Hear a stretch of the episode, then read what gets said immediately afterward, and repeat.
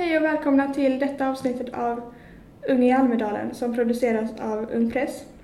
Mitt namn är Nora Flykt och eh, i det här avsnittet kommer jag att prata med Sofia Fölster från Moderata ungdomsförbundet. Vi kommer att prata lite om hur det känns att Nordiska motståndsrörelsen är här idag när vi spelar in detta. Eh, och vilka frågor som deras förbund prioriterar. Avslutningsvis kommer vi att prata lite om valet 2018. Så att nu tycker jag att vi bjuder in Sofia. Hej Sofia, hur är det med dig? Hej, det är bra. Det har varit en eh, lång och intensiv vecka men eh, ja, känns bra. Jag är nöjd. Mm. Eh, idag när vi spelar in det här avsnittet har ju precis mångfaldsparad varit. Var du där? Eh, jag var faktiskt där, var med om en liten bit, eh, framförallt titta på paraden och Mm. Det är ju väldigt häftigt tycker jag, så många människor samlas för att demonstrera för kärlek och mot rasism och nazism. Mm. Eh, vad tyckte du om typ så att Nordiska motståndsrörelsen var där samtidigt när vi gick förbi? Det var faktiskt helt sjukt för att jag tycker ofta när man läser om nazismen Mm. så tänker man att det var någonting som fanns förr, det var jätte- jättemånga år sedan, det rör inte oss idag. Men det stod ju alltså människor idag i Almedalen och eh, skrek i högtalare de samma budskap som Hitler och nazisterna gjorde då. Och det är ju oerhört skrämmande. Sen har vi yttrandefrihet, man får ha sådana åsikter också men jag, jag gör ju allt för att för att bekämpa den typen av åsikter och jag är så glad att det är många, var många unga idag och det är många unga varje dag som tar diskussionen eh, mot rasism och mot nazism för att eh, det är, man måste kämpa för de grundläggande mä- mänskliga rättigheterna varje dag. Mm. Men om vi tar och pratar lite om ert ungdomsförbund. Eh, jag kan du börja med att berätta lite om varför du började med politik och varför du valde just att engagera dig i MUF. Absolut. För mig var det absolut ingen självklarhet att bli politiskt aktiv. Eh, jag hade tittat lite på de olika partierna men ehm, jag tänkte att de är politiker, det är ju gubbar som sitter och pratar tillsammans och det är inget som rör oss unga, så kände jag. Men sen började jag på en gymnasieskola som var ganska stökig där det var dels eh, slagsmål, det var jättedålig undervisning, det var lärare som var borta, inställda lektioner och framför allt så hade jag vänner som hade tufft i skolan och inte fick den hjälp de behövde. Mm. Och då började jag titta på de olika partierna och ungdomsförbunden, eh, vilket parti som drev frågan om att eh, man ska få lära i sin takt och att alla elever är olika och att det måste finnas en skola som är anpassad efter elevers olikheter eh, där man alla kan få rätt stöd i tid. Eh, och då hittade jag Moderata ungdomsförbundet och gick med och blev aktiv och eh, till de som lyssnar som inte är politiskt engagerade så kan jag, eh, kan jag berätta att när man har gått på en aktivitet så tycker, tyckte jag i vart fall och många beskriver samma sak att det är väldigt, väldigt roligt så då dras man med och så fortsätter efter det. Mm. Hur gammal var du när du blev engagerad? Då? Då var jag 16. Mm. Det är precis som jag är nu. Så. Mm. Ja, vad gör ni egentligen i MUF? Du pratade lite om att ni har olika aktiviteter, men vad är det för något? Vi har jätteolika typer av aktiviteter så det kan vara allt från att vi har fikor där vi pratar politik, där vi bjuder in någon antingen högt uppsatt politiker som kommer och pratar med oss eller eh, någon annan person som har något eh, vettigt att säga som vi diskuterar, antingen frågar ut eller diskuterar med. Eh, vi har också utbildningar eh, men också mycket kampanjverksamhet vi är ute på stan och pratar med, pratar med folk. Sen har vi också ett stort arbete internt i vårt parti. Vi i ungdomsförbundet är ju en, eh, en egen organisation där vi driver frågor internt i Moderaterna för att ungas röst ska bli hörd och för att frågor som rör unga ska komma upp på agendan. Mm. Vilka frågor är det ni driver? Till exempel så driver vi att det ska bli enklare för unga att hitta ett jobb, att det ska bli enklare att hitta en bostad, att kunna flytta hemifrån. Eh, idag är ju bostadsköerna, vi gjorde faktiskt en rolig kampanj under Almedalsveckan där vi räknade ihop, om man räknar ihop Stockholm, Göteborg och Malmös bostadsköer om man skulle ställa upp det till en fysisk kö skulle den kön vara 40 mil. Och det är helt extremt vilken bostadskris vi har vilket gör att många unga bor hemma längre än man hade velat eller kanske inte kan flytta till den utbildning som man har kommit in på eller så. Och då tycker vi att det, politiker har hindrat bostadsbyggande i många, många år och där måste man möjliggöra för att det ska byggas fler bostäder helt enkelt. Så ni driver att ni vill bygga fler bostäder? Ja, exakt, exakt. Okay. Eh, har du någon fråga som du personligen brinner lite extra för? Så förutom de här eh, att det ska bli enklare att hitta en bostad, det ska bli enklare att komma i arbete, det är ju jag skulle säga våra två viktigaste frågor just nu. Eh, så driver jag också jämställdhetsfrågan eh, i mitt parti men också externt eh, som jag upplever är en viktig fråga för vår generation men kanske inte självklart eh, alltid lika självklart för alla. Och jag tycker att det är viktigt att påminna både i vardagen om att jämställda värderingar behövs i arbetslivet men också på ett politiskt plan driva att alla människor ska ha samma chans. Hur jobbar ni med detta? då?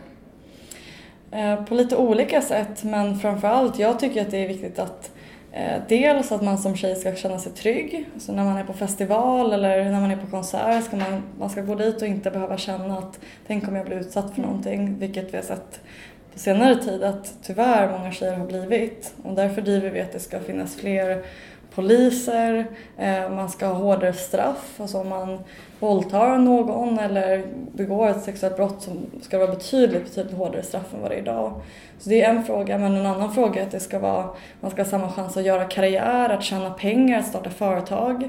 Idag ser vi en skevhet där det är många, många fler kvinnor som väljer offentlig sektor och som väljer vård och omsorgsyrken. Där det har varit väldigt tufft att starta företag. Eh, och jag tycker att tjejer och killar ska ha samma chans att bli chef eller driva eget och därför vill vi förenkla för eh, möjligheten att driva eget även i sektorer som domineras av kvinnor. Ja, eh, det här med festivaler som du var inne på. Mm. Eller ja, med hårdare straff. Hur ställer ni er till den nya samtyckeslagen som ska komma 2018? Vi har faktiskt tyckt lite olika i ungdomsförbundet. Det är, det är häftigt med att vara eh, Sveriges största politiska ungdomsförbund, att vi har en bredd och vi tycker olika. Men som jag har förstått det så finns det mycket som tyder på att den inte skulle ha så stor verkan i praktiken. Det vill säga, vissa argumenterar för att det är en principfråga men det jag tycker är absolut viktigast är att fler våldtäktsmän, fler som trakasserar eh, och sexuellt utnyttjar, framförallt tjejer, för det är framförallt tjejer som blir utsatta för detta, eh, blir dömda. Och då tycker jag att det är mycket, mycket viktigare att man har hårdare straff, eh, att man har fått de andra lagförändringar som oaktsamhets Eh, lagförändringen som har kommit till. Eh, men också, också, vad som kanske är viktigast, är att polisen får resurser för att utreda de här brotten. För idag är det så många, så många personer som blir anmälda och där går inte ens den anmälan till domstol därför att polisen säger nej men vi har inte resurser att utreda det här övergreppet utan vi måste fokusera på någonting annat, vi har inte råd att lägga tid på det här. Och bara den signalen gör ju att det är så många unga tjejer som inte vågar anmäla. Så jag skulle säga mycket, mycket mer pengar till och resurser till polisen för att kunna utreda, för att kunna vara på stan, göra våra konserter, våra festivaler trygga. Det är så viktigt. Mm, och um, vad tänker ni att de här pengarna ska komma ifrån? Eller? Eh, jag skulle säga att det är, om man ska prioritera mellan vad man ska lägga skattepengar på så är polis, försvar, alltså det här mest grundläggande tryggheten i samhället, det är absolut viktigast. Och det är värt att prioritera bort en del andra saker. Så idag till exempel så subventioneras eh, gratis bio, gratis museum i Stockholm till exempel så subventionerar vi med skattemedel som hade kunnat gå till polisen. Men en annan fråga är om man ska om man vill ha mer pengar att lägga på saker då ska, kan man ju också göra den totala kakan större. Och enda sättet att göra det är om fler människor kommer i arbete.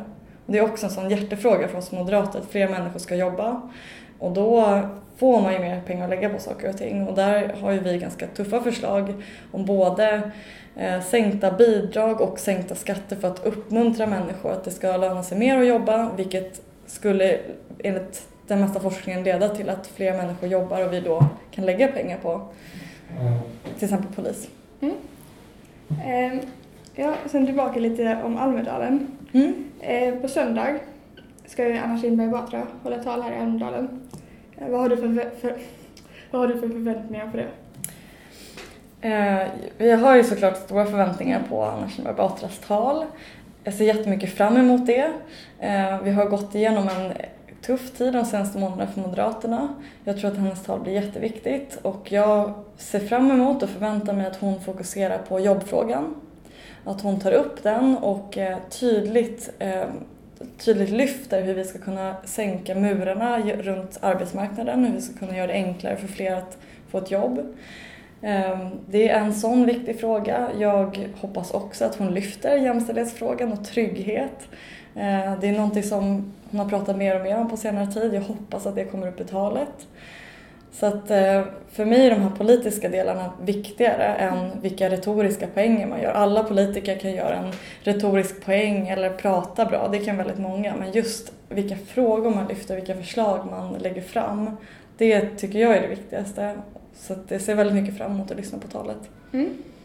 Och eh, vad har du för förväntningar på valet nästa år?